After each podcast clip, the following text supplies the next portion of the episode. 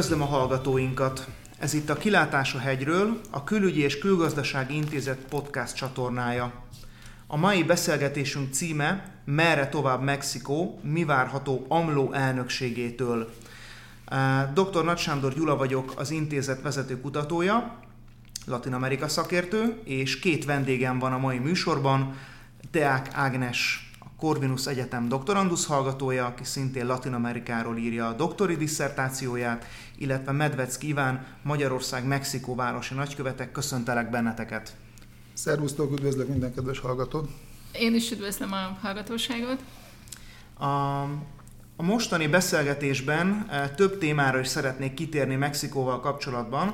Az első téma, amivel először e, a nagykövet úrhoz fordulnék, az a következő hogyan lehet az, hogy gyakorlatilag Mexikó választásainak a történetében talán még soha nem volt demokratikus választásom, hogy valaki 50% fölötti arányt szerzett volna, e, és ez hát Amlónak, ugye akinek a hivatalos neve Andrés Manuel López Obrador, de mindenki csak Amlónak hívja, úgyhogy mi is így fogjuk őt valószínűleg hívni a műsor során. Hogy lehet, hogy ekkora arányjal nyert, és ugye az előző két választásokon, ahol részt vett, ott meg mind a kettőn azért kicsivel vagy többel, de azért vesztett. Hogy mi, mi ennek a belpolitikai oka? Hát nagyon összetett kérdésről van szó. Először is a AMLO harmadik, fogalmazunk így, harmadik színre lépése óta a győzelem azért nem annyira, nem annyira váratlan. A népszerűsége leginkább mm, három, három oknak köszönhető szerintem, illetve nem is a népszerűséget mondanám, hanem a győzelme három fő okra vezethető vissza, és ö, ö, ezek voltak azok az okok, amik tulajdonképpen egy olyan egy-két éve már előrevetítették az új győzelmét. Meglepő volt számomra egyébként, hogy mennyire pontosan jelezték a közvéleménykutatók ezt az 50% körüli ö, AMLO, illetve Morena, a Morena ugye az a pártszövetség, illetve a párt, ami támogatta őt. Meglepő, hogy mennyire, mennyire pontosan jelezték ezt a fölényt. De aztán rájöttem, hogy az emberekkel beszélgetve, akár civilekkel, az akadémiai szféra, vagy politikusokkal beszélgetve, hogy mi az oka annak, hogy ennyire, ennyire pontosan tudták 50-100 fős mintavételből egy 89 milliós szavazó tábornak a, a, a szavazási hajlandóságát megjósolni. És a, a, a, a titok az az, hogy számomra teljesen meglepő módon a mexikóiak nagyon nyíltan beszélnek a pártpreferenciájukról. Számomra megdöbbentő volt, hogy mindenki szépen elmondta, hogy kire fog szavazni az önkormányzati listán, kire fog szavazni egyéniben, mik a preferenciái a szenátusban. Egyszerűen ezt, ezt látom okának annak, hogy ilyen pontosan sikerült előrejelezni Amló győzelmét. Én bocsánat, hogy megszakítalak. Egy apró kérdésem lenne, ugye korábban is volt olyan, hogy a győzelmét szinte jelezték Amlónak, és mégis egy tized százalékkal lemaradt, és itt sokan azt mondták, hogy megint csak a győzelem annak köszönhető, hogy kiszámolta a szavazatokat, hogy tehát az, hogy valamit előrejelez a számítások, ez nem jelenti azt, hogy tényleg egy demokratikus intézményrendszer keretében le is csapódik ez az eredmény. Hát én azt gondolom, hogy most ebben nem lehetnek kétségeink. Egyrészt valóban a közhangulat mindenféleképpen Amló győzelmét jelezte, nem csak a közvélemény kimutatások, hanem civil-privát beszélgetések is ezt támasztották alá, illetve ha eltekintünk a kampányban elkövetett gyilkosságoktól és bűncselekményektől maga a választások lebonyolítása teljesen átláthatóan, demokratikusan és mindenféle európai sztendernek megfelelően zajlott. Tehát én azt gondolom, hogy itt semmifajta választási manipulációról nem beszélhetünk. Amlóra valóban 30 millió fölötti számban szavaztak a a, a választópolgárok. Visszatérve a, a kérdésedre, az eredeti kérdésedre, hogy mi a titka Amló győzelmének. Van egy olyan része, egy olyan momentuma ennek a, a győzelemnek, ami, ami nagyon elgondolkodtató, és én egyfajta rendszerváltásként értelmezem. Ez pedig az, hogy a PRI, ugye az intézményes forradalmi párt, ami 80 évvel ezelőtt a nagy tőke, a, a kizsákmányoló nagy tőke ellenében alakult, formálódott. Az egyszerű munkásembert védte, a nemzeti tulajdont támogatta, a nemzeti gazdaságot támogatta. Ez a PRI, ez gyakorlatilag teljesen profilt váltott, és kilépett a politikai térből. Amló jól vette észre azt, hogy, hogy az embereknek szüksége van egy, a nagy tömegeknek szükség van egy pártfogóra, aki az érdekeiket képviseli, aki, aki síkra száll a jogaikért, aki a, a társadalmi egyenlőség egyenlőtlenség ellen foglal állást, és próbál is tenni érte. Az én értelmezésemben nem történt más, mint a, hogy a Moréna átvette a PRI szerepét. A PRI a megalakulásakor a forradalomnak a letétemény, eszméjének a letéteményese volt. Ez teljesen eltűnt már az ideológiájából. A Moréna ezt a politikai teret foglalta most el. Ilyen értelemben nem meglepő a, a rendkívül gyors népszerűség növekedése, hát emlékezzünk rá, 2011-ben alakult civil szervezetként a Moréna, hogy Amlónak a, a, a 2012-es kampányát támogassa, és csak 14-ben jegyezték be politikai pártként, gyakorlatilag három év alatt érte el azt a népszerűséget, hogy 52%-ot ért el a mhm. választás. beszéltél a forradalomról, mint olyanról. Ugye itt a Latin Amerikában, amikor forradalomról beszélünk, akkor ugye a legtöbben talán a Chávezi bolivári forradalmat, vagy a Castro féle baloldali forradalmat um, hát értik ez alatt. Mennyire hasonlít a, az AMLO-nak, illetve a Morénának a programja erre a már Venezuelában is, hát már látszódik, hogy mennyire nem a túl jól működő bolivári forradalomra, vagy esetleg a, a Castro féle kubai forradalomra, tehát hogy mennyiben más ez a baloldali program, mint ők? Én azt gondolom, hogy ez egy egyéni út. Mexikó annyira modern, annyira integrálódott a nemzetközi termelési ö, ö, hálózatokba, én jelenleg most elképzelhetetlenek tartom azt, hogy egy csávezi vagy akár kubai típusú baloldali fordulat játszódna le Mexikóban. Nyilvánvalóan egy nagyon erős, a szociális programokat nagyon erősen támogató gazdaság és társadalompolitikát kell várni Amlótól, de én azt gondolom, hogy nem valósak azok a, az apokaliptikus rémképeket jósló analízisek, amik egy ilyen, ilyen kemény csávezi fordulatot vetítenek előre Mexikóban. Uh-huh.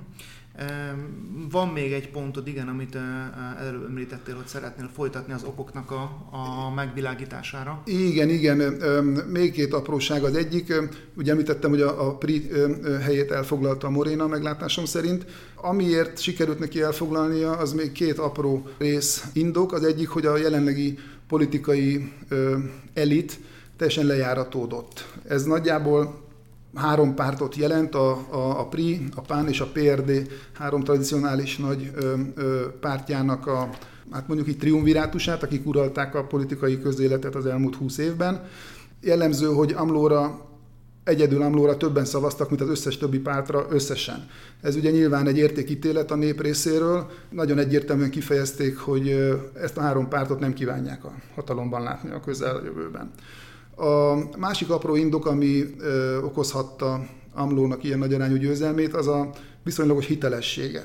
Amló egy, egy, egy nagyon egyszerű életet élő, egész fiatal korától kezdve a munkásságát a baloldalnak szentelő politikus, aki 70-es évek közepén az őslakos indián kisebbségek jogainak védelmével kezdte karrierjét, később is hű maradt baloldali érzelmeihez, legendásan egyszerű életet él, nem jár luxuséttermekbe, kála estekre, partikra, állítólag még bankkártyája sincsen, az ígéretei között meg ö, szerepel, hogy a saját maga fizetését a felére fogja csökkenteni, ö, nem fogja használni az elnöki különgépet, hanem, hanem kereskedelmi járatokkal fog járni. Tehát a, a csomó biztonsági olyan... szolgálatokra vonatkozóan is volt egy, egy érdekes lépés, amit azonnal meglépette, hogy ugye megválasztott elnöki státuszát betöltheti. Igen, nem, nem kívánja igénybe venni a, a, a nagyon hát költséges, de ugyanakkor adott esetben szükséges biztonsági szolgálatot, személyi védelmet. Úgyhogy valóban van egy olyan kisugárzása, ami azt sugalja,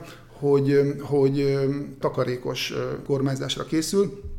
Hozzátartozik még a, a, a, a hitelességének a képéhez, hogy, hogy ő tulajdonképpen 2005 óta kiszorult a kormányzati döntéshozó pozícióból, így a nevéhez nem fűződnek korrupciógyanús ügyek, elhibázott állami, állami igazgatási döntések, úgyhogy ő volt az, aki a jelöltek közül leginkább hitelesnek tudta eladni magát, és reményt tudott kelteni a választókban.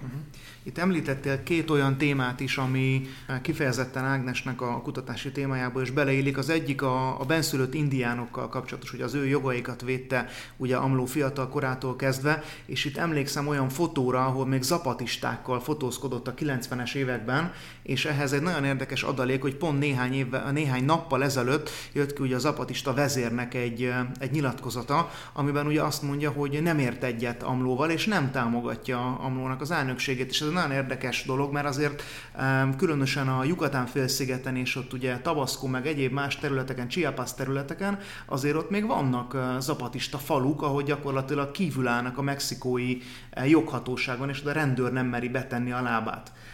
És ugye itt a másik, amik megint, ha rendőrségről beszélünk, akkor hát ugye a rendőrség nem csak a zapatista falukban nem meri betenni a lábát, hanem ugye vannak olyan területek, drogbároknak a haciendái, meg esetleg városai, ahol mindenki a drogbároknak a zsebében van, és hát ez lehet, hogy egy felszínesen javítja a közbiztonság érzetét, de hát azért ugye látjuk mi is, hogy például Mexikóban van a világ tíz legveszélyesebb városából öt Úgyhogy ilyen szempontból azt kérdezném Ágitól, hogy szerinte az új elnök hogyan tudja, ha egyáltalán meg tudja-e vívni ezt a küzdelmét azért, hogy jobb legyen a közbiztonság Mexikóban, és mi az, amit most, hogy elnök meg tud tenni, illetve meg akar tenni a benszülött lakosságnak a helyzetének a javítása érdekében.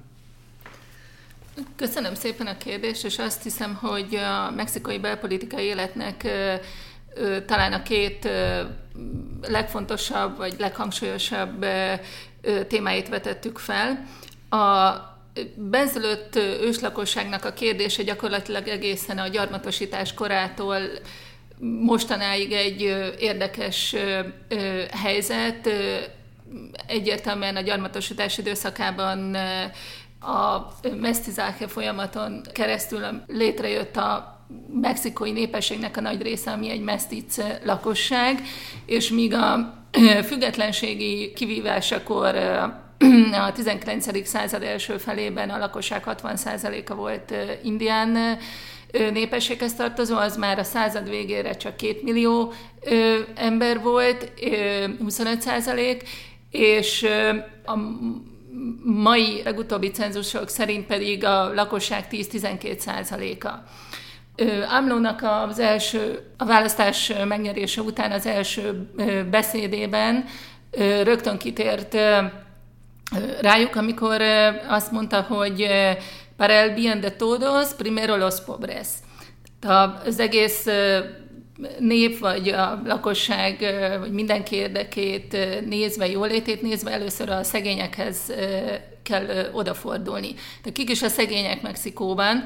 Ugye ez egy nagyon széles réteg, annak ellenére, hogy már a 90-es évektől, tehát tulajdonképpen már a jobboldali, középjobboldali kormányoktól kezdve voltak szegénységet a szegény rétegeket felszámoló kormányzati intézkedések, különböző ilyen kondicionális pénzügyi transferekkel segítették a szegény családokat, amiket elsősorban iskolalátogatáshoz, illetve egészségügyi ö, vizsgálatokon való részvételhez kötöttek. Ez mai napig tartanak ezek a programok, amik ö, elmúlt évtizedekben, évek alatt átneveződtek a különböző kormányok alatt. Progress, Opportunidades, Prospera, de ezek nagyon sikeresek voltak abban, hogy a lakosságnak egy akik a mély szegénységben éltek, őket sikerült egy jobb életszínvonalhoz, helyzethez juttatni. Ugyanakkor ez úgy kapcsolódik össze a, az indián közösségekkel, hogy a, a, az indián közösségbe tartozók 70%-a mély szegénységben él, vagy, vagy a szegénységi küszöb környékén. Tehát őket hatványozottan érinti, és, és sújtják mindezek a társadalmi, szociális problémák és régóta fennálló jelenségek.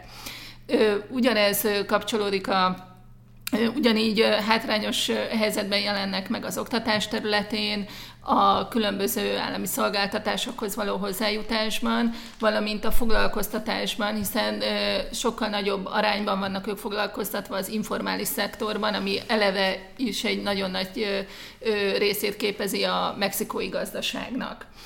A, ez igaz az egészségügyi ellátásra, és ami külön kiemelendő az, hogy a, a jogrendszerben a a jogi védelmük, annak ellenére, hogy ezek törvényben, alkotmányban biztosított jogok, hogy, hogy megfelelő jogi képviseletet kapjanak, ez sajnos nagyon sokszor nem történik meg, és emiatt tényleg egy ilyen negatív diszkrimináció éri a, az ö, ős lakosokat.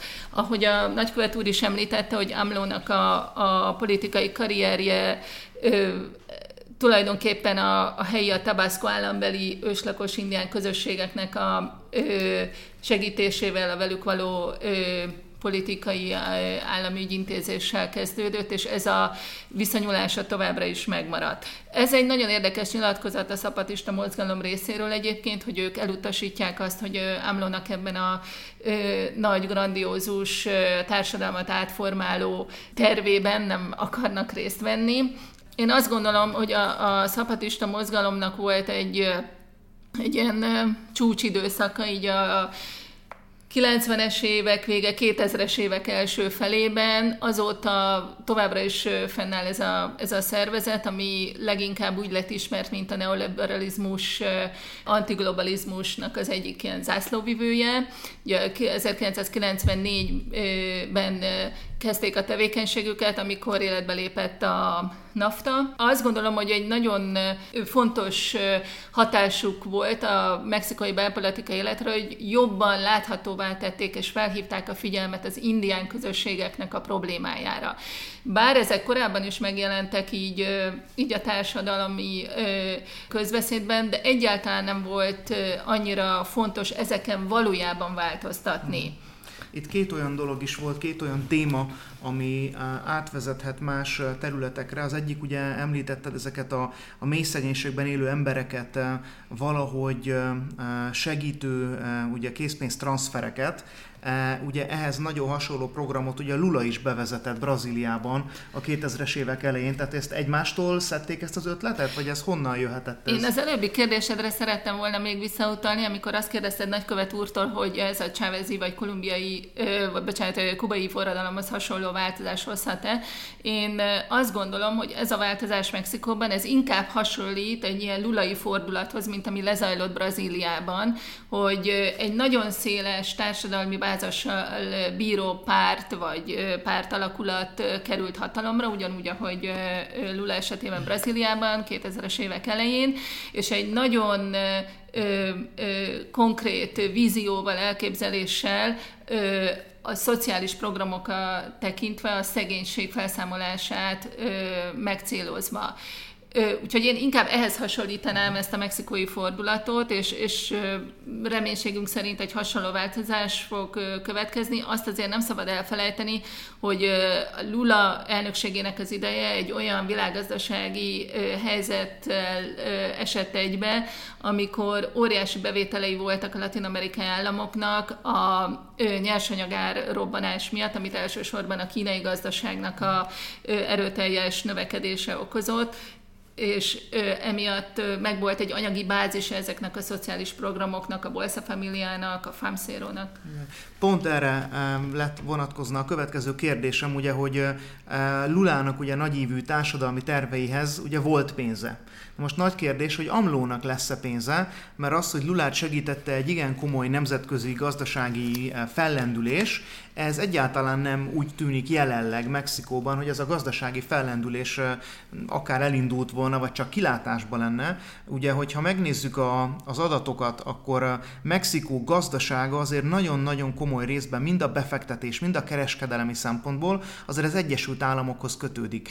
A beszélgetés előtt kinéztem néhány friss 2017-es adatot, és ott azt mutatták, hogy a, a teljes mexikói exportnak, a 80% az Egyesült Államokba megy, míg a teljes a mexikói importnak, tehát amit behoznak Mexikóba, annak az 50%-a jön az Egyesült Államokból, és ugye ez egy nagyon nagyfogú gazdasági függést jelent az Egyesült Államoktól, és hát ugye nagy kérdés, hogy a Trumpal milyen a viszonya, mert hogyha ilyen függés van az Egyesült Államoktól, akkor abban nagyban befolyása lehet az Egyesült Államok elnökének, illetve az elnöke való személyes viszonynak. Szóval hogyan látod, nagykövető úr, hogyan fogja tudni megtalálni a hangot Donald Trump amerikai elnök Amlóval? Való igaz, hogy borzasztó nagy a, a, a függősége a, a, a Mexikónak, szándékosan nem a gazdaságot említem, Mexikónak az Egyesült Államoktól, hiszen társadalmi, politikai szinten ezer szállal kötődik egymáshoz a két ország és szándékosan használom a két ország kifejezést, ugyanis nem csak Mexikó függ nagyon az Egyesült Államoktól, az Egyesült Államok is nagyon függ Mexikótól. Ez egy nagyon fontos részlet, amit sokan elfelejtenek. Egyesült Államokban 36 millió mexikói származású személy él, első, másod vagy harmad generációsok. Az első generációsok is vannak 11-12 millióan. Ez egy olyan, olyan társadalmi bázis és olyan munkavállalói réteg, aki, aki nélkül az Egyesült Államok meggyőződésem szerint nem lenne az, ami. Itt most nem, nem csak gazdaságról beszélek, hanem egyéb hatásokról is. Az Egyesült Államok határzónájában nem tudok most egész pontos számot mondani, de mintha 6 milliót olvastam volna, 6 millió munkahely függ konkrétan a mexikói piactól, ami még ha tévedek is, azért egy elég magas szám.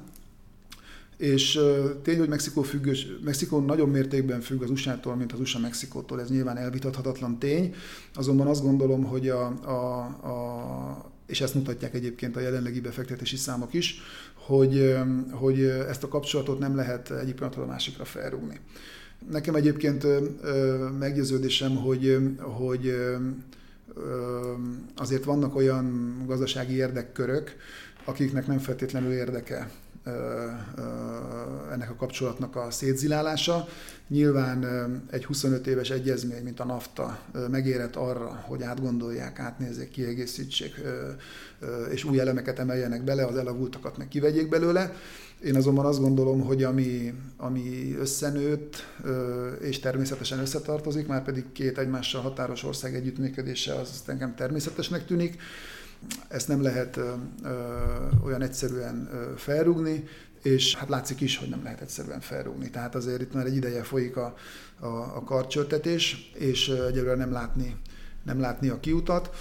Én továbbra is azt gondolom, hogy a, amit azt hiszem a tavalyi beszélgetésünkkor is említettem, hogy azért ebbe a nagy nemzetközi hát mondhatnám azt, hogy autógyártó koncernek, de ugyanígy az informatikai világ, az élelmiszer, a mezőgazdasági vagy élelmiszer lobby és szektor nagyon komolyan bele tud szólni hogy, hogy alak, miként alakuljon a NAFTA sorsa. Igen, itt ugye egy fontos adalék, hogy például a Mexikóba érkező áruknak egy jelentős része az mezőgazdasági jellegű áru, e, többek között kukorica és abból előállított egyéb más feldolgozott termékek, és hát ugye nagyon sok olyan szövetségi állam az Egyesült Államoknak rengeteget exportál Mexikóba, ahol amik Trump szavazók is jelentősen Trumpra szavaztak, tehát hogyha ott megszűnne ez a Mexikóba irányuló export és megszűnnének iparágak, az nagyon komoly munkanélküliséget jelentene pont olyan államokban, amik Trumpra szavaztak, tehát ez kicsit kontraproduktív lenne Trump részéről ugye ebből a szerződésből úgy kilépni, hogy semmi nincs a helyén. Igen, ezzel teljesen egyetértek, tehát ö, ö, összefonódott a két gazdaság teljes mértékben. Ha meg is szűnik a NAFTA ezen a néven, valami lesz helyette, nekem ez a meglátásom. Még azt is el tudom képzelni, bár nem, nem kívánom, hogy két oldalú egyezmények szülessenek az országok között. Nyilván legjobb lenne, ha ez a, ez a három ország közötti együttműködés fennmaradna valamilyen olyan módon, hogy mind a három ország számára a leg, leginkább megfelelő megoldást megtalálja de, de azt, hogy megszűnne, és egyik pillanatról a másikra ezek a, a gazdasági kapcsolatok semmibe ködbe vesznének, ezt, ezt én nem, nem gondolom. Még ezt szeretném kiegészíteni azzal, hogy ugye nem csak a gazdasági kapcsolatok nagyon jelentősek, illetve egy ilyen kölcsönös függőség van Mexiko és az Amerikai Egyesült Államok között, hanem nyilvánvalóan, ami az egyik ilyen legaktuálisabb téma, és felismerült a, a migrációnak a kérdése, ami összeköti a, a két országot, és itt és egy ennek nagyon sok aspektusa van a migrációnak, ami nagyon sok mindenhez kapcsolódik a mexikai társadalmon belül, az egyenlőtlenséghez, szegénység lehetőségek kérdéséhez. Még visszautalva a mostani őslakos közösségeknek az egyik legfontosabb jelenségére, hogy ez a fajta migráció, ami Mexikó és az Egyesült Államok között egy ilyen tényleg az egyik legfontosabb külpolitikai téma, vice versa mind a két ország részéről. A migráció az magán a Mexikón belül is egy nagyon fontos, felerősödött jelenség lett. Ennek olyan folyamányai vannak az indián közösségekre, hogy könnyebben bomlanak fel ezek a meglévő tradicionális családi, közösségi kapcsolatok ami összekapcsolódik a földhasználattal, a munkahely hiányával. Tehát nagyon sok korábban helyi közösségben munkált, talált földműveléssel foglalkozó ember, például a mexikai-amerikai határon lévő maquiladora üzemekben kezd elhelyezkedni, és ami egy nagyon érdekes változás, amit a magyar antropológus kutatónő Schiller Katalin, aki ezen a területen dolgozik tatonák indiánok között, hogy nők is most már egyre nagyobb számban részét képezik a, a vándorlóknak, a, és hogy ipari területekre, tehát a makiladóra övezetben. A másik kérdés még a visszakapcsolódva az előbbi hozzászólásomhoz, hogy ez az egész őslakosság kérdése Mexikóban a, egyrészt összekapcsolódik azzal, hogy az utóbbi évtizedekben, 90-es, 2000, de még erősebben a 2000-es évektől, egész Latin Amerikában, ahogy ez a baloldali fordulat Cháveznek a hatalomra kerülésével, és utána sorban a különböző latin-amerikai országokban, Bolívia, Ecuador megtörtént, egy szemléletváltás történt, amiben a multikulturalizmus és a, az indián közösségek felé való odafordulás és az ő, ő ősi tradícióiknak, kultúrájuknak, nyelvüknek, ö, étkezési szokásaiknak, tehát a gasztronómiától kezdve nagyon széles spektrum van az ő általuk képviselt értékek felé való odafordulás és ö, elismerés jelent meg. Ez ennek az egyik kicsúcsosodása Ecuador és Bolívia alkotmányban is foglalt Nevesítik szerepük. Is, ugye plurikulturális köztársaságnak nevesítik magukat. Igen, és érdekes módon ezek mind a, ez a baloldali politikai fordulathoz kapcsolódtak, és talán az várható, hogy most Mexikóban is ez a baloldali fordulat, ez összekapcsolódik ezzel a koncepció szemléletváltással szélesebb körben is így a társadalomban. Amlónak az első beszéd alatt, amikor a legsérülékenyebb, a legelhagyatottabb társadalmi csoportjáról beszélt a mexikai társadalomnak, akkor, akkor nagyon megtapsolt. Tehát amikor az indián közösségekre utalt, akkor nagyon megtapsolták. Tehát én azt gondolom, hogy a mexikai társadalomban is megérett egy változás erre, amit nagyon fontos lenne, hogy intézményi szinten is nem csak alkotmányban foglalt vagy törvényekben megnevezett lehetőségek azok valóban érvényre jussanak a mindennapi gyakorlatban államintézmények, oktatás területén. Nagyon szalad az időnk, úgyhogy már csak pár perc van hátra a műsorban, úgyhogy ezért kérdezem, hogy van-e valami olyasmi záró gondolatként, vagy összefoglaló jelleggel, hogy mit vártok akkor az új elnöktől a következő hat éves ciklusának, mire lesz elég ez a hat éves ciklus röviden, hogy mit fog tudni elérni szerintetek, és mi kell ehhez, hogy azt el tudja érni?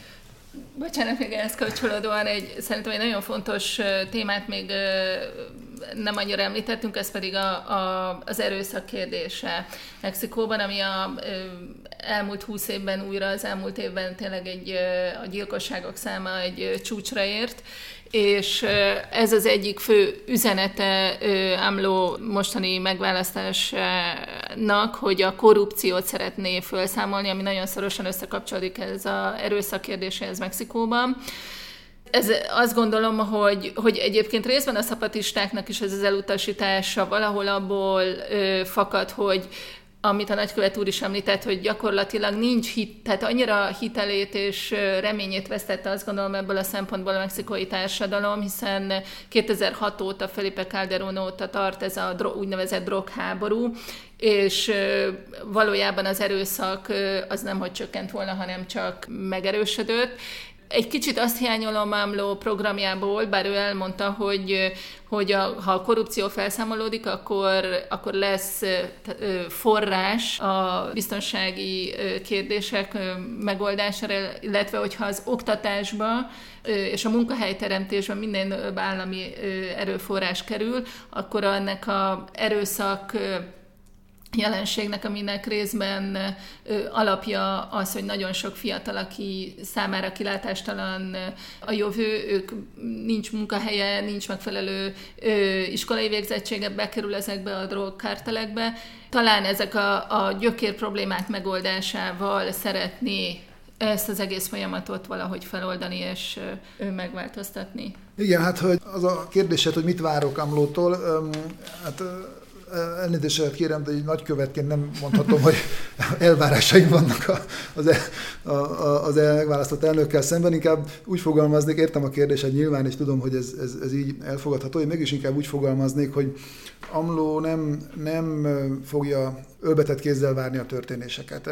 Van egy nagyon erős társadalmi felhatalmazása, amihez megkapta a kellő politikai támogatást. Itt nem csak a, a kormányzókra, hanem a szenátusra és a, a képviselőházra is gondolok. El fogja kezdeni azokat a reformokat, én úgy vélem, el fogja kezdeni azokat a reformokat, amiket beígért.